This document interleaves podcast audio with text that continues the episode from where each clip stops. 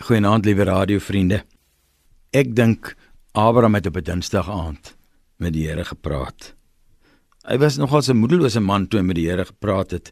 Eintlik so 'n bietjie teleurgesteld in die Here, want God het so baie beloftes aan hom gemaak wat nog nie waar geword het nie.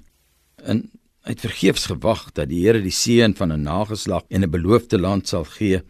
En nou het hy al oud geword, byna 100 en hy herinner die Here aan Here, maar nou gaan my slaaf alles erf en nou wat nou van my Here?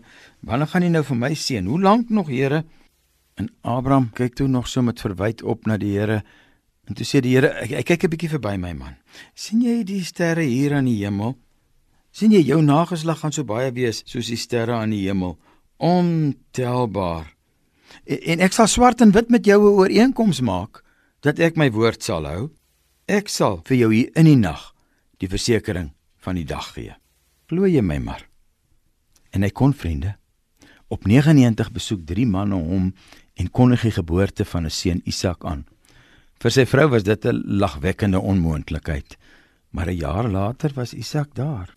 Vanaand hier in Suid-Afrika, terwyl ons met God worstel oor die toekoms wat uitbly en beloftes wat ons so wag om waar te word, verseker die Here ons van 'n lewe wat uit dooie moontlikhede kan kom, van 'n toekoms want by hom is die onmoontlike moontlik.